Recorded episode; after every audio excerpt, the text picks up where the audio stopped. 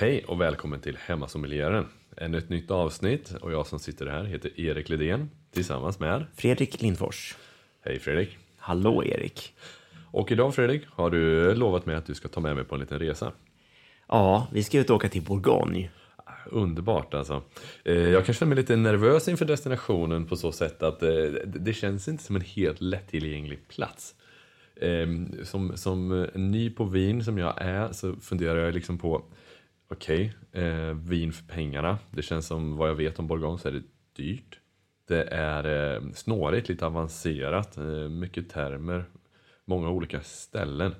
Eh, och jag ser fram emot att, eh, att du benar upp det här för mig och jag vet att du är väldigt passionerad kring Bourgogne. Ja, men jag älskar, jag älskar Bourgogne och det är liksom... När du, när, när du pratar med, med, med sommelier så är det liksom, det, det är oftast deras favorit region. Alltså vinerna är fantastiska.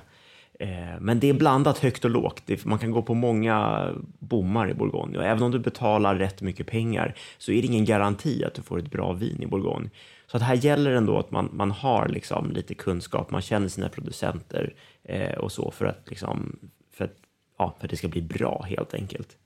Så att det är en snårig resa att ta sig ner i Bourgogne, men, men sen är det liksom, det är väl detaljerat, det finns mycket information att hämta, så det blir också kanske lite så här varför nördarna verkligen älskar Bourgogne. Eh, och jag var ju där precis i, i veckan och, och reste runt och uppdaterade mig lite grann och jag har inte varit där sen, sen innan pandemin, så att det var väldigt skönt att, att vara tillbaka. Sen kanske Bourgogne inte är den absolut mest liksom, härligaste platsen i januari när det snöar från sidan och det är ordentligt kallt. Men det är väldigt trevligt att, att vara där. Vad gjorde du då? Var du runt på vingårdar? Ja, besökte producenter, provade vin och uppdaterade mig lite grann på senaste årgångarna och, och vad som händer i, i området helt enkelt. Och vilken är den senaste årgången i Bourgogne? Eh, ja, men senaste årgången är 2022 som är skördad. Men man kan inte dricka den? Nej, den ligger, ju, den ligger på fat. Ja. Och många har ju fortfarande 2021 år på fat också, som kommer buteljeras här nu under, under våren med, med stor sannolikhet. Eh, och, och där är en jätteskillnad. 2022 är ju ändå en, en, en, en eh, bra, stark årgång med tanke på att där, där har de fått lite mer volym. 2021 är den sämsta årgången på 30 år eh, för att det är så otroligt små volymer, helt enkelt. Som tyvärr också kommer driva upp priserna lite grann. Just det. Men det du drack då var det mest 2020 och tidigare? Eh, ja, vi, ja, eh, vi provade lite 21 också från Ja. fat. De som var snälla och hade lite, lite grann att erbjuda, så vi fick prova. Eh, så att det var ändå väldigt härligt. Och, och jag tänker så Erik att eh, vi ska snacka lite bakgrund om Bourgogne, lite historia, geografi, orientera oss eh, lite grann så att vi får en förståelse för, för den här framstående franska vinregionen. Och, och det här är liksom det området där man kanske gör de mest eftertraktade vinerna i, i hela världen. Både röda och viner som är i absoluta världsklass. Och går man ut och Google-söker söker så kan man hitta viner från eh, Domaine de la Romanée Conti, Domaine Leroy, Roumier och Henri Jayer. Och, och, så, det här är viner som liksom, de går på auktion för flera hundratusen dollar flaskan. Alltså det är så otroligt mycket pengar. Är vi inte på riktigt? Jo, det är sant. Alltså, det, det är några av världens absolut dyraste viner som du hittar här. Men det här är ju verkligen samlare eh, som, som, som nördar ner sig i det här. Och, och som jag sa tidigare, sommelierna älskar vinerna och det gör även vinkritiker och, och, och, och vinsamlare. Och, och det här är förmodligen också världens mest studerade vinregion när det kommer till vingårdslägen. Eh, och området har varit en förebild för många andra regioner som börjat fokusera på mer vingårdsbetecknade viner, för det har man gjort i Bourgogne väldigt tidigt. Eh, men, men, men priserna liksom på de här rariteterna, det bara skenar iväg. Och, och frågan är lite grann också hur man hittar goda och prisvärda viner i Bourgogne överlag. Och det är lite som vi pratade i avsnitt ett där då du sa, vad var det, upp till 2000 kronor kunde man rättfärdiga. Liksom att du hade bästa vingårdsläget, druvorna, allt. Och allt däröver snackar vi hype, eh, tillgång efterfrågan. Ja, Ja. nej men exakt. Eh, så att det, det, är ju helt, det är ju helt galet. Och ehm, Nej, men som ny tycker jag det är svårt vart man ska börja, så historia tycker jag låter toppen. Ja, men vi dyker in lite grann och, och tittar i den. Och jag menar, Bourgogne har en historia som den sträcker sig tillbaka 2000 år i tiden. Och de första rankerna planterades utav, utav romarna.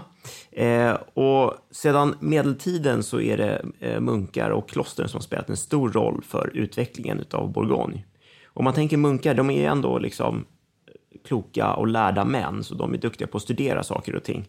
Och lyckligtvis så studerade de vin i vingårdarna som de, som de skötte. Och vad de lade märke till det var att olika vingårdar konsekvent gav olika eh, viner, väldigt specifikt så just i här i Bourgogne. Och det här lade grunden för det tankesättet som man idag har, att man ska separera olika vingårdslägen för olika viner. Och munkarna var ju väldigt tidiga med det här och bland annat så finns det en, en stor Grand Cru-vingård eh, mitt i Bourgogne som heter Clos de Vauchot. Och så tidigt som 1336 så byggde de den muren som är liksom runt det här Clos de Vauchot. Och ordet clos som är rätt vanligt liksom förekommande i, i Bourgogne betyder alltså inhägnad eller inmurad vingård helt enkelt. Så det här var liksom den, en av de första tidiga alltså, Eh, inmurade vingårdarna. Och tittar vi till vad man har för druvsorter i Bourgogne så är det ju det är Chardonnay för vita viner och Pinot Noir för, för röda viner eh, i stort. Eh, och, och, Pinot Noir har en, en lång historia och nämns i skrift för första gången redan 1370. Men troligtvis så har druvsorten funnits i, i regionen mycket tidigare än så. Och sen i slutet av 1300-talet så skrev hertigen av Bourgogne en förordning för att värna om vinernas kvalitet och dess goda rykte. Och den förordningen innebar att den då, och kanske även nu, så att säga underlägsna druvsorten Gamay inte skulle tillåtas att ha i vingårdarna. För som det stod i förordningen, den här druvsorten var inte passande att konsumeras av människor. Jätte, jättehårt. Jag skulle säga det var ganska kategoriskt. Ja, det, de tyckte inte att det var en bra druvsort. Man såg liksom då att Pinot Noir är en ädel druvsort. Den ger högre kvalitet. Gamay anses inte vara lika ädel. Men, men, så du får rent legalt typ inte odla den? Eh, ja, du, får, du kan göra det som heter Bourgogne Pastogren och då blandar du Pinot Noir och Gamay. Sen tillhör ju, Gamay har ju egentligen hemort i Beaujolais och Beaujolais tillhör ju också Bourgogne, eh, men är liksom det som ligger längst söderut i Bourgogne. Mm. Så att mm. Gamay varit helt enkelt förpassat till Beaujolais. Där har han gjort en ganska bra karriär också. Det kanske ja, men det har separat avsnitt. Det har den, absolut. Jag tycker vi ska prata lite om, om Beaujolais i, i kommande. Men det kanske inte blir så mycket fokus idag, utan nu blir det mer, eh, mer om hjärtat utav Bourgogne helt enkelt. Eh, och hoppar vi lite grann i tiden så kommer vi fram till 1855 och då kommer Dr. Jules Laval ut med en, eh, en bok där han klassificerar Bourgognes vingårdar. Och den här boken eh, får väldigt stor liksom, uppståndelse, så att med vissa ändringar utifrån vad han har gjort, liksom små justeringar, eh, så lägger han grund för vad som senare blir klassificeringen i Bourgogne för Grand Cru, Premier Cru och eh, Village. Alltså en, en hierarkisk pyramid i vilka vingårdar som har högst kvalitet, näst, näst högst kvalitet och sen en lite mer liksom, generisk eh, by, kommunnivås eh, kvalitet. Ehm, och den satte man 1936.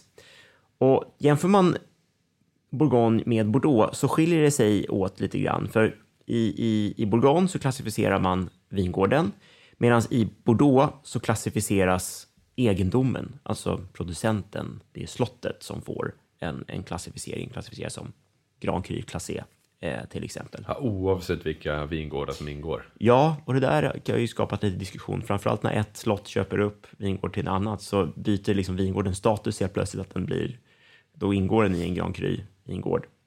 Eh, så att man har lite olika synsätt på det där i Bourgogne jämfört med i, i Bordeaux. Och där är man då mer konservativ och håller det på vin. Så, så att en producent kan ha någon Grand Cru, någon Premier Cru, Exakt. Men, ja. Precis. Så att i Bourgogne så ser du ju producenter, det är inte ovanligt att de gör liksom 15 olika viner eller någonting. Så de gör mycket olika viner, men i väldigt mycket mer begränsad volym. I Bordeaux så blir det ju mer att du ser, man gör ett första vin som är liksom deras främsta vin. Och sen så har de en selektering där kanske man har andra vin och tredje vin. Och sen så kanske de har lite andra reservviner runt omkring. Så att de, de, de gör inte lika många viner. Så man har lite olika filosofi. Men det har att göra med som sagt att man, man fokuserar på vingården väldigt tidigt i Bourgogne. Mycket tack vare kyrkan, tack vare munkarna där återigen. Ehm, och Bourgogne har då 33 stycken klassificerade Grand Cryer, hela 662 Premier Cryer. De är svåra att hålla i huvudet. Ehm, och sen är det 44 byar som får använda sitt eh, bynamn på etiketten och då blir det ett så kallat villagevin. Eh, sen kan man såklart också producera generisk bourgogne, typ bourgogne rouge Eh, eller bourgogne blanc, där man får plocka druvor från liksom hela området bourgogne. Och där går man lite grann med liksom, tankesättet också att ju snävare ursprung och ju mer specifikt man har, desto högre bör också kvaliteten vara. Ehm, och många av de här byarna i Bourgogne, de har tagit eh, sitt bynamn som de har och sen har de kopplat ihop det med byns främsta vingård, just för att liksom lyfta eh, liksom både vingården och, eh, och, och byn då, så att säga. Så det finns några exempel på det här och då, då kan vi ta till exempel byn eh, Chambol eh, har kopplat på vingården Musigny och heter, byn heter då Chambol Musigny.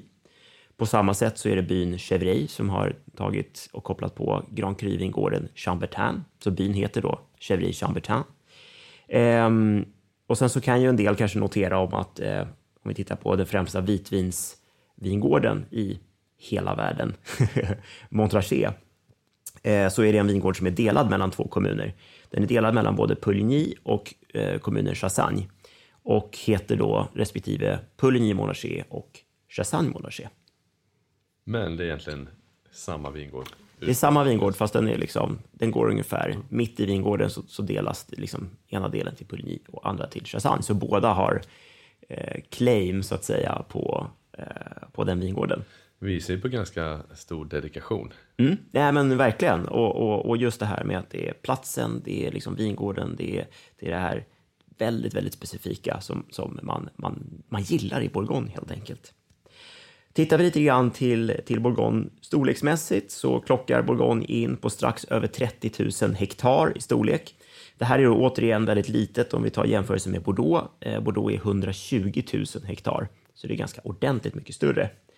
Och Bourgognevinerna står för endast 2,6 procent av volymen av alla viner i hela Frankrike. Så att eh, man fokuserar mer på hög kvalitet än på stor volym i Bourgogne.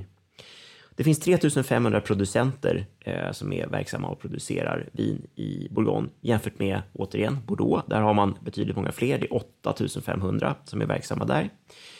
Och samma sak där, medelstorleken på en egendom i Bourgogne är ganska liten den också. Den är 8,6 hektar. Och jämför man med Bordeaux där den är 20 hektar. Så att det är både det är, det är mindre till ytan, det är färre producenter och det är en mindre liksom, snittstorlek på på egendomarna. Jag borde veta det här egentligen, men en hektar, mm. är, är det 100 gånger 100? 100 gånger 100, precis. Så 8,6 hektar, det är, det är inte jättestort. Det är alltså. inte jättestort, nej, nej, verkligen inte, utan det är ganska litet. Och sen skillnaden här också, i Bourgogne så är det mycket familje, alltså domäner, det är familjeägt, eh, mycket av det. Och, och, och tittar du till andra regioner så är det liksom kanske mer ägt av större vineri eller större, lika kanske bolag, det ligger andra typer av ekonomiska krafter bakom. Men, men det här med Bourgogne, att här träffar man liksom eh, riktiga familjer och, och någonstans bönder på riktigt. Sen råkar deras mark kanske vara den absolut dyraste i hela världen. Men, eh, men då är det nästan ännu mer cred till dem då att de inte tar tillfället och bara säljer ut det. Ja, det har faktiskt blivit lite problem eh, senaste åren för att de har ju lite komplicerat arvsskatt i Frankrike, något som vi inte har i Sverige. Eh, och det innebär att i och med att de har så höga värden på sina vingårdar så är det inte alltid som att nästa generation har råd att ta över eh, vingården för att de behöver liksom lägga ut så otroligt mycket i skatt. Eh, så tyvärr är det många eh, familjedomäner som blir tvungna att, att sälja. Och då kommer en del av de här större negocianterna och storproducenterna in med backning och kan köpa upp. Och därför ser man också det är en, hel, en del amerikanska eh, ägare och asiatiska ägare som kommer in och köper vingårdsmark i Bourgogne. Och det kan man kanske tycka att det är lite, lite synd att familjearvet inte kan fortsätta på samma sätt. Verkligen. Så det där är en liten, liten issue som de har i Bourgogne. Tittar vi lite grann till geografin då, så ligger Bourgogne i östra Frankrike och eh, området sträcker sig mellan städerna Dijon i norr och Lyon i syd. Och dessutom så tillhör Chablis Bourgogne, men den hänger inte ihop med resten av regionerna, utan Chablis ligger nästan 14 mil norr om Dijon, så det är ganska långt däremellan. Och Chablis gränsar mot Champagne i nordost och sen är det faktiskt närmre till Sancerre i Loire än vad det är i Dijon. Och där kan man lite grann se att det speglar i vinerna också. Chablis och Sancerre, även om det är olika druvsorter, så är det liksom stilistiskt hyfsat lika viner jämfört med vad det är liksom, mellan Chablis och, och vinerna längre söderut i, i Bourgogne. Och de mest exklusiva vinerna de har sina hemadresser i Côte d'Or, alltså guldsluttningen som vi skulle översätta det på till, till svenska. Eh, och i sin tur så delas Côte d'Or in i Côte Nuit och Côte Beaune. Och i Côte här hittar man främst röda viner och kända kommuner som vi har varit inne och nosat på tidigare, men bland annat då Chevry-Chambertin, Chambol-Musigny och Von Romané, bara för att nämna ett par stycken. Eh, och i Côte där är det lite mer blandat mellan, mellan vitt och rött. Eh, och här hittar man då såklart de främsta vita vinerna eh, från bland annat då Pouligny Monarché, Chassagne Monarché, Meursault som vi pratade om. Det finns en annan eh, Grand Cru-läge, alltså Corton Kullen där man producerar både rött vin och eh, rött vin man kallar för Corton och eh, vitt vin som bland annat Corton Charlemagne som är väldigt högt skattat det dessutom. Eh, och sen finns det några rödvinsbyar i, i Cottebon som kan vara värda att nämna och då är det till exempel Pomar och Volnay. Eh, men vi måste stoppa lite där. Eh, det blev för avancerat. eh, nu snackar vi alltså mellan Dijon och Lyon. Jag kan ta in det. Ja. Jag, visste inte att Chablis hörde till eh, Bourgogne faktiskt. Det, det var ju en ny grej att lära sig. Men du snackar guldsluttning. Det är ganska stort område mellan Dijon och Lyon. Vadå guldsluttning? Är det bara sånt som växer i söder? Är det en enda stor sluttning? Jag fattar inte vad som menas riktigt. Ja, nej, då är det den, den nordliga delen som kallas för, för Côte d'Or.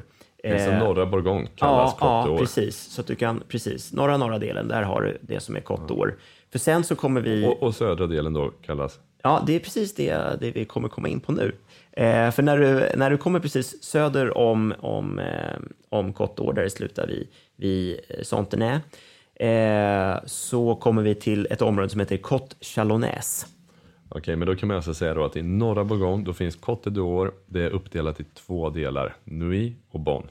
Yes. Yes. Och där finns det lite olika fina gårdar. Ja, och här ligger egentligen alla kändisar, alla Ja. rockstjärnor, allt som är, här är det dyrt. Det är, dyr, alltså det är världens dyraste vingårdsmarker här. Ja. Så här är det pricey. Och sen när du går precis söder om, om Côte d'Or, när du kommer in i Côte Chalonnaise, så här blir det liksom billigare. Här hittar du inte de här eh, superdyra vinerna. I Côte så hittar du byar som bland annat Reuilly, Merkeri och Chivri. Och det här är liksom inte namn som är riktigt lika kända, men här kan man ju liksom hitta lite värd för pengarna, både för vita och för röda viner. Så att någonstans, om man vill gå upp och dricka kommunnivåvin i Bourgogne, så här är det liksom väldigt intressant att, att kika på, på viner. För du tycker här kan de ändå hålla kvalitet, Ja. men är inte riktigt lika påpassade. Exakt. Det här är lite up and coming också. Vilket, när jag säger up and coming, tyvärr också kommer betyda att de kommer öka sina priser. Att folk börjar leta sig hit. Man går liksom längre söderut helt enkelt. Och sen söder om d'Or, om vi fortsätter, så finns ett område som heter Mâconnais.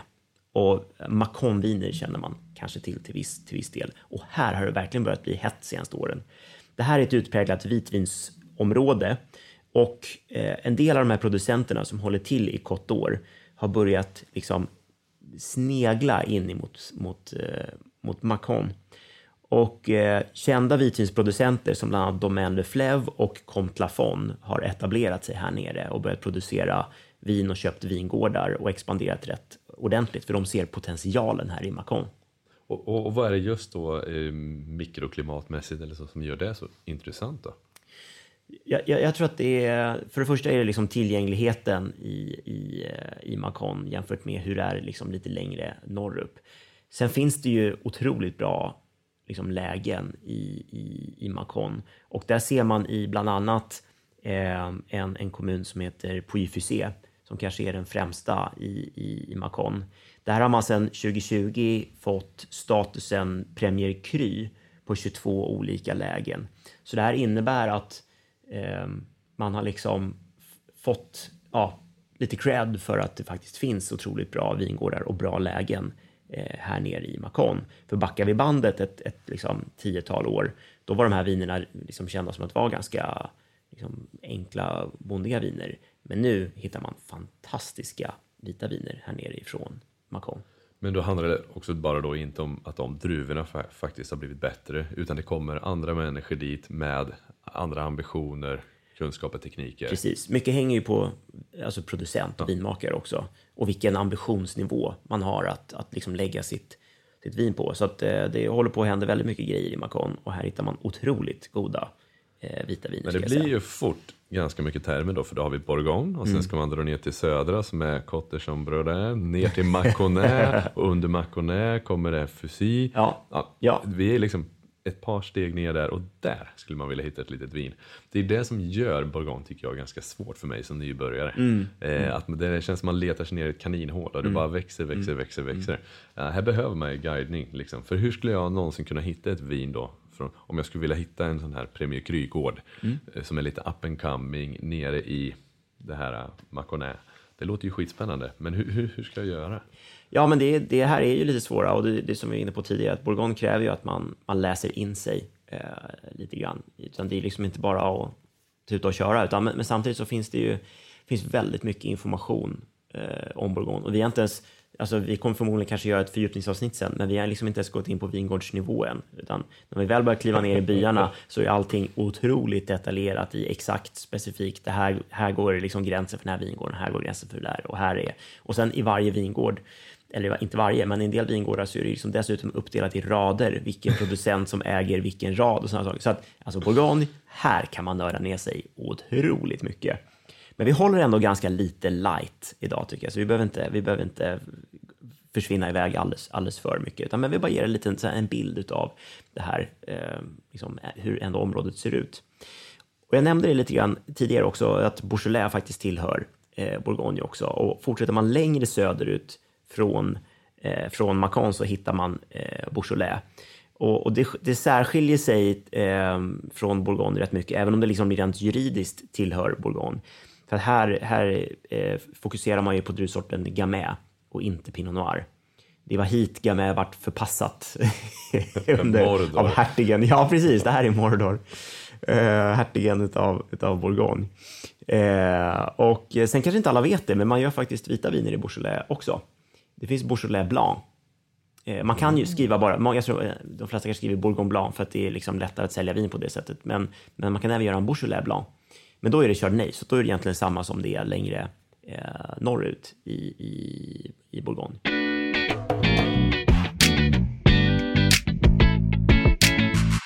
Ja men Fredrik, när du var i Bourgogne så la du upp på våran Instagram, där vi för övrigt tycker att ni verkligen ska följa oss. Hemmasommelieren heter vi där, som ett ord. Eh, att man kunde ställa frågor och du har fått in en del frågor. Tänkte att vi skulle bara gå igenom några av dem. Vad tror du om det? Det tror jag absolut. Bra läge. Då börjar vi med något som heter Premox. Eh, jag har ingen aning, vad är det för något? Vad är Premox? Har vi fått frågan. Och eh, vi får ge lite bakgrundsstory med Premox. Och det är nämligen som så här att i vissa vita bourgogner från mitten av 90-talet så började de här vinerna påvisa en väldigt mogen karaktär bara ett par år senare. Alltså de snabbutvecklade. Eh, från att du har ett liksom, vin som är liksom, klart och ganska ljust i färgen så på kort tid så, så blir det liksom, ordentligt mörkt. Det ser ut som liksom, äppelsaft i färgen och sen så tappar du liksom, frukten och du får mer oxidativa toner och det är, liksom, det, det är oxiderat. Så att det här var ett, ett eh, jättestort problem som man, som man hade och som eh, producenterna inte var jätteglada i att prata om. Det här ville man liksom hålla, hålla ner snacket om så att säga, för det här var en superstor grej och såklart jättejobbigt. Om tänk tänker så att du dricker dyra viner från, alltså du dricker några av världens dyraste vita viner och du har ett problem med, med oxidation som, som sker under bara ett, ett par års tid så är det inte så himla roligt. För vit bourgogne historiskt sett har varit ett väldigt lagringsdugligt vitt vin. Jag har druckit vita bourgogne ner till 50-talet som varit helt otroligt bra och jätte, jättehäftiga. Och nu kunde man liksom inte ens dricka vit bourgogne som var så här 5, 6, 7 år gamla ens. För de blev så slätstrukna liksom. Ja, de oxiderade alldeles för fort. Och, och då började man ju såklart liksom leta efter vad är problemet? Och jag tror att det, var, det är flera faktorer som spelar in. Man har liksom inte kunnat peka på en sak. Och jag tror att anledningen till att det varit så stort just i mitten av 90-talet var att det var flera faktorer som spelade in samtidigt. Bland annat så säger de själva att de har haft problem med eh, korkar. Eh, så det är många av, av producenterna som har sett över vilka korkar de använder och jobbar med och bytt till mycket högre kvalitet. Men sen är det andra, det är inte bara korkarna, eh, utan det är lite, lite andra saker som spelar in också. Och generellt sett drog man ner liksom svavelnivåerna en del under den här tiden också. Vi, svavel har vi pratat om i typ nästan alla avsnitt här tror jag. Men sagt att det är bra att ha svavel i vin för att det hjälper ju liksom att vin ska klara sig. Eh, och när man drar ner alldeles för mycket så kan liksom sådana här problem uppstå, att vinet oxiderar. Och dessutom så var det här, liksom, några av de här årgångarna i mitten av 90-talet var lite varmare årgångar och man gjorde viner där man kanske skördade lite senare. Det var lite sådär trend kanske i att vinerna skulle vara lite extra fylliga, lite mer generösa. Då tappar man lite av det här syran, vinerna blir mjukare. Ehm, de står sig liksom inte riktigt lika bra. Nu är det eh, ett tag sedan jag har stött på en sån här premoxad flaska och då, det var det var då, det här är något år sedan, men det är en, då var det en 2010. Så du tänker, då är det ändå liksom bara där 15 år som problemet fortfarande har funnits och de inte har liksom lyckats få, få bot på det. Men sen dess har jag inte provat någonting. Eh, och de är väldigt eh, så eh, självsäkra ner att men nu har vi löst problemet.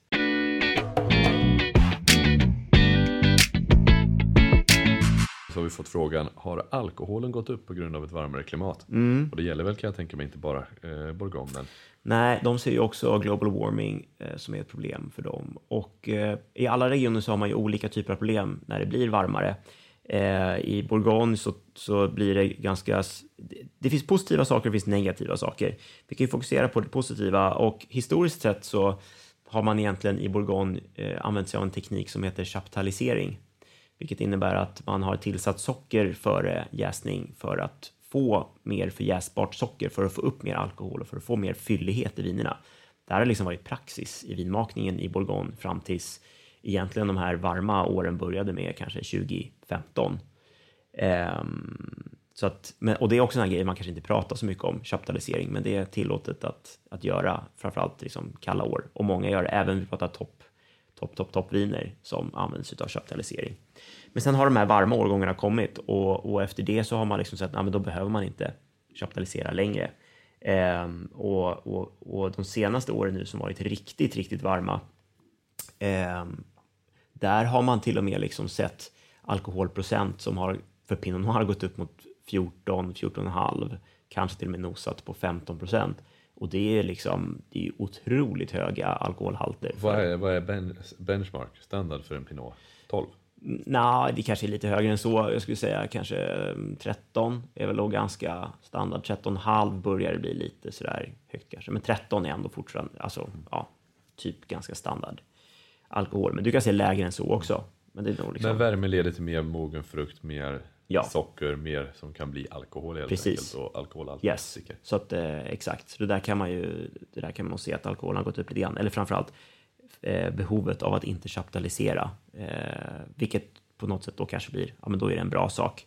Vad som är negativt eh, är att de får liksom inte riktigt ordentliga vintrar längre i Bourgogne, vilket man är väldigt beroende av att ha här. Man vill gärna att det ska vara kallt på vintern, för då ska liksom eh, saven i, i, i rankerna ska kunna gå ner ordentligt ner i rotsystemet eh, och de får vila. För sen när våren kommer, det som blir problemet är att när solen börjar titta fram och det börjar bli varmt, om det här sker för tidigt, då börjar liksom rankerna knoppa för tidigt och sen pang kommer frosten och då slår det ut hela skördarna.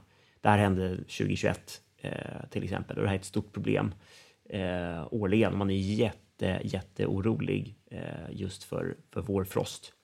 Man kan se bilder ibland också, framförallt i Bourgogne, som ser väldigt liksom, läckert ut när, när vårfrosten, man vet som producent att i natt kommer det vara kallt. Då tänder de liksom värmeljus, eller som marschaller liksom, i vingårdarna. Alltså tusentals och tusentals sådana här marschaller. Just för att eh, de vill hålla upp värme för att hålla frosten eh, borta. Så att, eh, och det är otroligt arbetskrävande såklart. Men det är väldigt fina flygfotografier när man ser liksom hela vingårdar upptända. Det ser liksom så lite sakralt ut. Det låter otroligt. Men, men det är ett jätteproblem, eh, som sagt. Så, att, så att, eh, det, finns, det finns bra saker och det finns dåliga saker med, med uppvärmning, eller globala uppvärmningen i, i Bourgogne. Ja. Och då har vi fått en fråga till som heter Vad skiljer Volnay från pomad? Och kan jag be om ursäkt för mitt uttal där. Nej, men det, det var helt okej. Och vad är det för något? Eh, Volnay och Pomar, det är två, det är två olika eh, kommuner. Toucha på dem lite grann eh, när vi pratar om Kotobon och så att det här är två stycken eh, rödvinskommuner som ligger i Kotobon. Och historiskt sett så har de här skilt sig ganska mycket från varandra där Volnay har varit den, den kommunen som har givit det absolut mest silkiga, lättparfymerade, fruktiga, runda eh, vinerna. Medan Pomar har varit klart mycket mer rustika viner, lite mer tuffa, lite mer tannin. Eh, oftast så är det inte så mycket tannin i Pinot Noir, men, men Pomar eh, kan vara lite sådär, lite tufft och lite brokigt. Men, men det ska jag också säga att med, liksom, med modern, modern vinmakning eh, och så, så, är det en del producenter som, som i, i, i Pomar liksom lyckas den här, få den här rusticiteten i vinerna, att även de var mjukna. Så att det är inte alltid som att Pomarer är så här tuffa längre som de historiskt sett har, har varit. Men återigen där så får man upp en bild av komplexitet i Bourgogne. Region för region, de är typ grannar. Och, de är grannar med varandra. Sig, liksom. och, det kan jag också säga att när man reser runt i Bourgogne så är det liksom, alltså det är ju, det är ju ändå litet. Det, det tar ju liksom, mellan varje by så är det oftast inte liksom mer än fem minuter att köra bil. Så att, och man kan ställa sig på en punkt, eh, om man till exempel är Côte eller Côte Nuit, så kan man ställa sig uppe vid Musigny-vingården och så kan man titta ut liksom över, över eh, liksom österut, man ställer sig en liten bit upp på, på sluttningen. Och då kan man ju se över till grannbyarna, så man ser ju liksom på ett pärlband hur liksom alla grannkryerna ligger eh, intill varandra och även liksom by efter by nästan. Liksom sådär. Så det, det är väldigt nära ändå. Men ändå ack så komplext. Ja. och hur är priserna då? Mm. När man är där nere i Bourgogne, i butik och på restaurang? Skiljer ja, det sig något? Ja, nej, men det gör det, um, ska jag säga. Sen är det, alltså, jag tror att det fortfarande är svårt att liksom säga så här, men vi tar bilen och åker ner till Bourgogne, nu ska vi handla på oss så att vi har eh, massa vin. Utan handlarna är ju mycket väl medvetna om vad de internationella priserna på eh, bra bourgogne är. Så att i butik så kommer det liksom, det är inte billigare. Utan då är ju liksom så här faktiskt Systembolaget ändå ganska bra. För att Systembolaget jobbar ju inte med marknadspriser heller riktigt, utan det blir ju importören köper in, säljer vidare till Systembolaget. Systembolaget kommer inte, de har sina fasta, eh, eller de har sin påslagsmodell, vilket innebär att de kommer inte känna så här, nej men den här är ju en superbra årgång, nu kan vi ju dåna på med, vi tar en tusenlapp till, bara för att vi kan. Så att de håller ändå ner liksom, ja, eh, priserna en del. Så i butik eh, kan det vara väldigt svårt att fynda bourgogne, men det är klart, man kanske kan hitta grejer som man inte hittar här på samma sätt. Eh, och på restaurang så är det ganska tudelat skulle jag säga. Samma sak där, många restauranger, framförallt om du är inne i liksom Bonn som är eh, liksom den, den, stora staden där, där många producenter är, är situerade och där är mycket restauranger och man ofta bor och sådär. Och vi bodde i Bonn när här nere också nu. Eh, men är du i liksom, ska jag säga, de lite mer turistiga centrala restaurangerna, ja, de kommer ju ta bra betalt för vinerna, för de vet ju att folk är här för att dricka Bourgogne och Bourgogne är dyrt. Ja, eh, det är inte billigt på Disneyland heller. Nej, det, det är det som är grejen. Eh, det är precis så det är. Men sen finns det fortfarande några såna här riktiga guldkornsrestauranger som man kan, eh, där man kan hitta ändå väldigt humant prisade viner från Bourgogne. Men då har de lite så här, ofta lite restriktioner och säger så här, ja men ni får bara beställa en flaska per bord och tillfälle av liksom det här vinet. Så att, och då är man så här, men det är fine, för då vet man, annars är det inte någon som kommer och dricker upp allting på... De har något sånt där i Frankrike väl, eller jag vet inte om det gäller över, men typ Guild Michelin, mm. det finns något som är typ Ja, men du, istället är det så bra value for money. Jag mm. åt på något sånt ställe i Chamonix när jag var mm. där som student. Jag kommer inte ihåg vad det heter. Tänker du Bib Gourmand? Ja, mm. exakt. Mm. Ska den ha gafflar och det finns lite olika. Ja, men typ så. Och, och, och, då tog man en sån basic, men det var mm. superbra mm. men inte dyrt. Liksom. Mm. Mm. Eh. Nej men precis, man behöver inte äta stjärnor alltid. Man kan ha den här gidden, vad de rekommenderar också i bra restauranger. Och det brukar oftast vara men väldigt, väldigt, bra. Och på tal om mat, då, vad äter man till bourgogneviner? Och du får inte svara böff, för det, det fattar ju alla. man äter böff bourguignon. Nej men eh, precis, du har ju vit och du har ju röd bourgogne. Jag tänker också att man tittar stilistiskt lite grann på vinerna och, och vad de är och hur de smakar. Så vit bourgogne, nu pratar vi liksom hög klass. Fatlagrad chardonnay, men det här är också liksom, målbilden och mallen för vad vit chardonnay är. Jag kan säga att alla eh, vitvinsproducerande regioner, de som gör chardonnay, de tittar ju på Bourgogne som, som förebild. De har den historien och de, de liksom gör de så pass högklassiga viner. Eh, men här är liksom det som är grejen i Bourgogne, här ligger alltid faten lite bakom. Eh, utan det är mer liksom eh, elegans, det är mer mineralitet, det är liksom väldigt hög svansföring och klass på de här vinerna. Hög syra, eh, fylliga viner, men sen har de liksom elegant stenfruktskaraktär. Det finns liksom lite härligt rostade toner och det finns lite, lite nötighet och lite, ja, men lite återhållsamhet i de här vinerna, vilket gör att de är otroligt eh, matvänliga. Så vit bourgogne är ju så här, ja men här ska du ju ha eh, riktigt härlig fiskrätt. Alltså, ele alla eleganta, snygga fiskar är jättebra. Sjötunga, piggvar, torskrygg. Det är liksom, det är klockrent till vit bourgogne. Men, om- men, men om man tänker, okej, torskrygg är med, någon- man kan även ha sås till. Absolut, Liksom, så, ja. absolut. Vitvinsås, champagnesås, eh, Sandefjordsås som är supergott. Alltså ha massa liksom eh, löjrom, kaviar, sikrom. Det kan vara feta såser. Eh, hollandaise är jättebra till också. Allt sånt där. Och sen är det gott att ha lite sådär, men frisör, man tänker man kan ha lite Eh, nu kanske det fortfarande är lite tidigt, men lite krispiga primörer och liksom den eh, typen till också är ju jättegott ihop med vit bourgogne. Och rött då? Mm. Då tänker vi lite grann så här, men hur är det med röd bourgogne? Ja? Lite samma sak där också. Vi pratar Pinot Noir. Eh, Pinot Noir-producenter världen över tittar ju liksom mot, mot bourgogne och, och, och vad de gör. Ehm, den burgundiska stilen utav Pinot Noir ligger ju liksom inte alltid frukten först. Utan där kan man ju hitta lite mer liksom kryddighet. Det kan vara lite mer liksom jordighet, lite mer nyanser. Och sen så finns det såklart också rätt mycket fruktkaraktär i de här vinerna också. Är de undermogna ibland, eh, vilket man kan tycka är så tråkigt när man dricker röd bourgogne, så kan de vara lite gröna, lite snipiga, lite sura viner eh, som inte är så här jättekul. Men, men eh, när de är ordentligt mogna och när det är bra viner så har man ju liksom ändå eh, den här kryddigheten och, och, och lite jordighet och så här som är uppburet utav väldigt härlig fruktkaraktär. Men det är fortfarande lätta viner, markerad syra, det finns lite fatkaraktär i de här. Eh, men det är väldigt transparenta, väldigt lätta viner och både Chardonnay och Pinot Noir ger ju liksom väldigt tydligt Liksom de, är, de, är, de har en transparens så att de visar liksom vingården och växtplatsen väldigt, väldigt tydligt. Så det är väldigt ärliga viner på det sättet. Eh, och då tänker man ju också att eh, röd bourgogne passar ju väldigt bra till eleganta rätter. Ska säga så här, all typ av fågel är ju jättesnyggt med Pinot Noir. Eh, man äter mycket lokalt i en hel del liksom bräss, kyckling eh, man äter. Men det är också snyggt med lite mer, alltså all typ av vildfåglar. Eh, sen liksom, ja men ripa, fasan. Men det är också perfekt till liksom så här vaktel och ja, Är det Thanksgiving-kalkonen? det, ja, ja, alltså verkligen. Det, men det är så här, vi, vi brukar ju köra Thanksgiving hemma och äta kalkon och det, då är det alltid Pinot Noir i alla fall till kalkonen. Sen kanske inte alltid är Bourgogne, men det brukar vara eh, Pinot i alla fall. Men om man stöter på någon då som är lite omogen, lite, så- det, Mm. det låter ju trist. Är, det då bara, är det då ett tecken på att det här är en bra fin bourgogne som ska ligga och lagras? Eller hur, hur tänker man där? Nej, egentligen inte eh, skulle jag säga, utan den där är ju snarare liksom att det, det, det har kanske varit lite för kallt år och det är lite för låg kvalitet på druvorna. Då tänker man sig, all låg kvalitet låter som att det är billigt. Nej, alltså druvpriserna i Bourgogne är så otroligt dyra eh, och det är så svårt att veta på förhand vad som är liksom, en bra Bourgogne och vad som är en, en dålig eh, Bourgogne. Ja, och det är här du behöver hjälpa till att guida lite. Mm. Hur, hur, hur gör vi?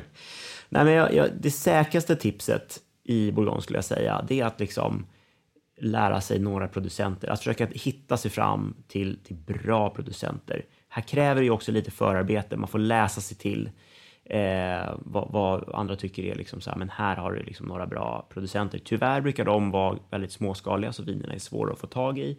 Men deras enklaste viner kommer vara jätte, jättebra, även de. Så att även om Bourgogne är ett väldigt ursprungsorienterat område, som vi pratade om tidigare, vad som är liksom village och Premier Cru och Grand Cru sådär, så kan det ju vara så att en producents liksom villagevin kan ju vara mycket bättre än en annan producents Grand Cru. Det låter jättekonstigt det här. Eh, samtidigt som att Grand Cru kommer ju kosta liksom tiofalt eh, mot vad, vad det enkla villagevinet kommer göra. Men det här är återigen, det här är komplexiteten i Bourgogne och det som gör att det är, är väldigt, väldigt svårt. Men här måste vi som lyssnare kunna få någon liten USP då Fredrik. Du får, antingen här i podden eller på vår Instagram så måste du ju bjuda på någon liten producent som man kan skriva in på Systembolagets hemsida, hitta något, beställa hem. Ja, jag vill ha det. Jag skulle säga det svåra här kanske är att hitta det via Systembolaget. Eh, det är, de små producenterna, visst det kan komma på tillfälliga släpp och såna här saker, men det, det är så små volymer. Så att, och du vet, Systembolaget köper ju liksom vin för hela Sverige. Så att här får man ju liksom också kanske förlita sig till eh, lite mindre handlare. Eh, vi har ju liksom, det finns en hel del näthandlare som man kan, man kan titta på. Eh, allt ifrån eh, Kaviss till Pompett Online till Kranvin och lite sådär. Där brukar jag liksom kunna hitta, där hittar man liksom bra producenter eh, och många liksom, goda viner som inte alltid är hysteriskt dyra. Nej, nej men eh, se, kan du lova att det kommer upp något på Instagram? Vi, någon, vi, någon, lö- eh, vi löser det, lägger upp en liten... Eh, Härligt. Men om det är någonting då man kan få tag på systemet. Du hintar ju för mig lite att vi skulle prova två Mm. viner som man faktiskt kan få tag på. nej men exakt, och det kanske gör så att vi ska hoppa in på att prova två stycken viner, en vit och en röd bourgogne, så kan vi prata lite mer om det. Kul, jag är sugen.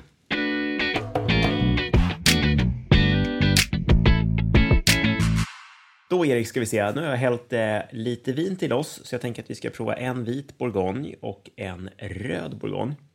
Eh, så att den vita bourgogne tänker jag att vi ska, vi ska börja med. det här är en producent som heter Domaine Roux. Det här är deras Bourgogne Blanc, eh, eller Bourgogne Chardonnay Lemurel. Och eh, Domaine Roux är en producent som eh, de har hemmasäte i Saint-Aubin. Och det är en, eh, en kommun som eh, ligger liksom nästlad lite grann liksom innanför, skulle man kunna säga, Puligny, Monarché, Chassagne och Meursault. Så att det här är en väldigt tydlig liksom, vitvinspräglad kommun. Eh, och druvorna i det här vinet, mycket kommer ifrån just Saint-Aubin. Fast de eh, klassar det här vinet som en, som en Bourgogne Blanc.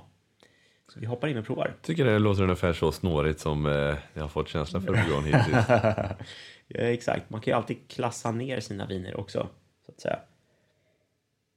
Mm.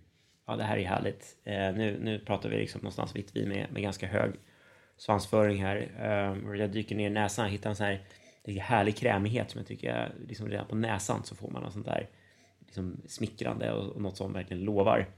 Mm. Sen finns det ju liksom lite, det är lite stenfrukt, det finns lite rostad karaktär, lite så här toastigt, eh, lite lätt rostade fat. Du hittar lite så här solmogna gula äpplen och en liten lätt mogen citruston. Ja, för det, här, äpple tycker jag absolut man här, känner här. Smakmässigt, hög syra, mycket fräschör. Verkligen, här känner man så här, mm, det där stramar fint i kinderna. Ehm, och sen så kanske det är ännu lite mer så här citrustoner i smaken än vad man till och med kände i, i liksom, bara på näsan när vi doftade på det. Ehm, fin fyllighet, det är liksom, det ligger med, medelfylligt men har lite så här lätt krämig textur. Och det här jag tycker är så härligt med vit bourgogne, det är den här texturen som det har. Det här lite, lite, ja, men lite krämiga, när det blir lite fetare, men samtidigt så har den här liksom härliga syran som, som backar upp det här ordentligt. Ja, jag tycker det var ordentligt gott faktiskt. Det är riktigt gott. Jag har inte druckit jättemycket vit bourgogne, eh, men det kändes ju heller inte på något sätt kvalmigt liksom, utan eh, nej, väldigt gott vin. Nej, och som vi pratade om tidigare, det här är ju ett klockrent fiskvin. Och så langar fram alla schyssta fina fiskar du har. Eh, Det är perfekt till det här. Och det här kan jag kliva in på systemet och bara plocka i typ hela Sverige. Ja, ja det ligger i fast sortiment. Ja. Eh, Så att, eh, Men då finns det på många ställen fasta då. sortiment. Ja, precis. Ja. Exakt. Och du, som vanligt då, så kommer det komma upp i någon avsnittsbeskrivning. Det är alltid, alltid. Och på Instagram, ska vi säga. Sen ska vi hoppa in vin två. Eh, och det här är faktiskt en eh, ny bekantskap för, för mig. Det här heter Maison Chancy.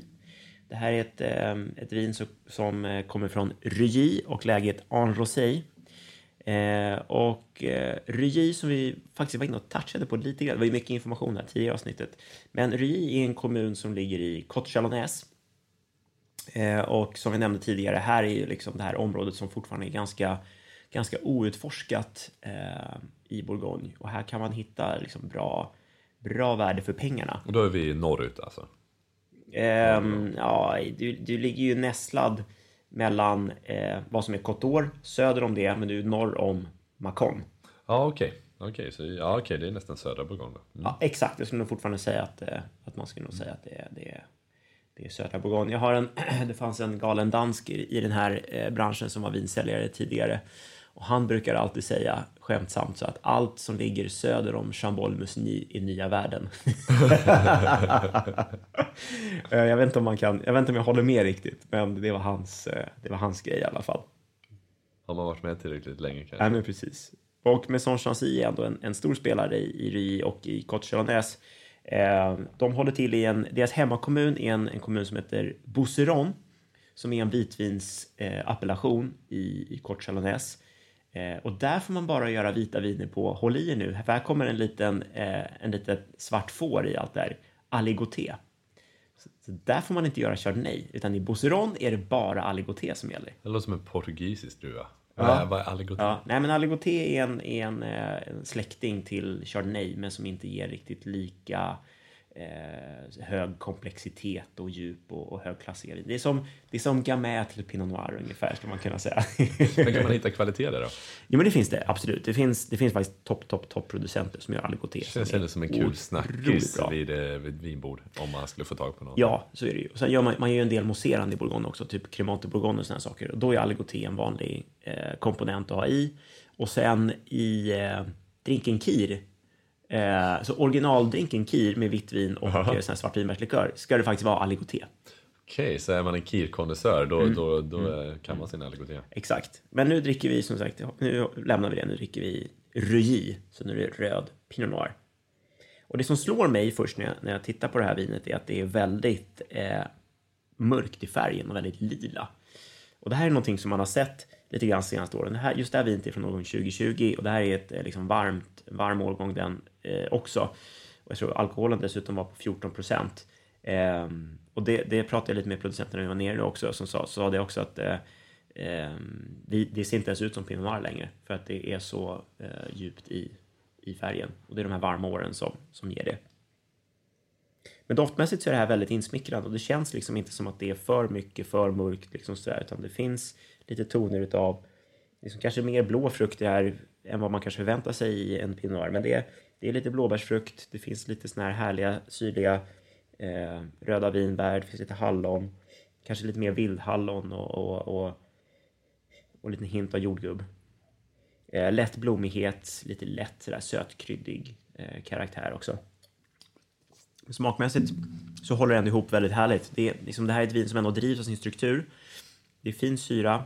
Det finns ett härligt bett i det här vinet. Eh, det är liksom inte bara att det är sån här rund fruktkaraktär, utan det finns kryddighet, det finns lite jordkaraktär. Och ja, alltså återigen, det här tycker jag att man hittar de här bourgogne-kryddorna, lätt strama heter. Det finns, finns en fin, alltså grön, kryddig, örtig karaktär som inte är undermogen, men som bara är väldigt, väldigt, väldigt snygg. Det här var en väldigt trevlig bekantskap måste jag säga. Mm, det är jätte, jättehärligt. Mm. Eh, och det här som vi var inne på tidigare, det här är ju som klockrena viner till, eh, till fågel eller till liksom lättare fläskrätter eller den typen. Håller lite, eh, lite mildare, mjukare Men smaker. kanske en helstekt kyckling i ugn? Ja, det är klockrent. Och sen som sagt också, jag menar, om ska man rött vin till fisk, det är ju perfekt med med Pinot Noir. Bourgogne funkar jättebra. Eh, man ska tänka på att servera sina röda Bourgogne är lite svala. De mår ju perfekt kanske vid 16 graders temperatur. Vad kostar ett sånt här vin då? runt 200 eh, ligger det på. Så det är någonstans där man får tänka att eh, ja, ska du ha en schysst bourgogne så är det absolut där måste röd bourgogne i alla fall. Det är där du får börja, det är svårt att gå under. Minimum, yes. Ja, någonting sånt. Ja, jättegott, tack för det.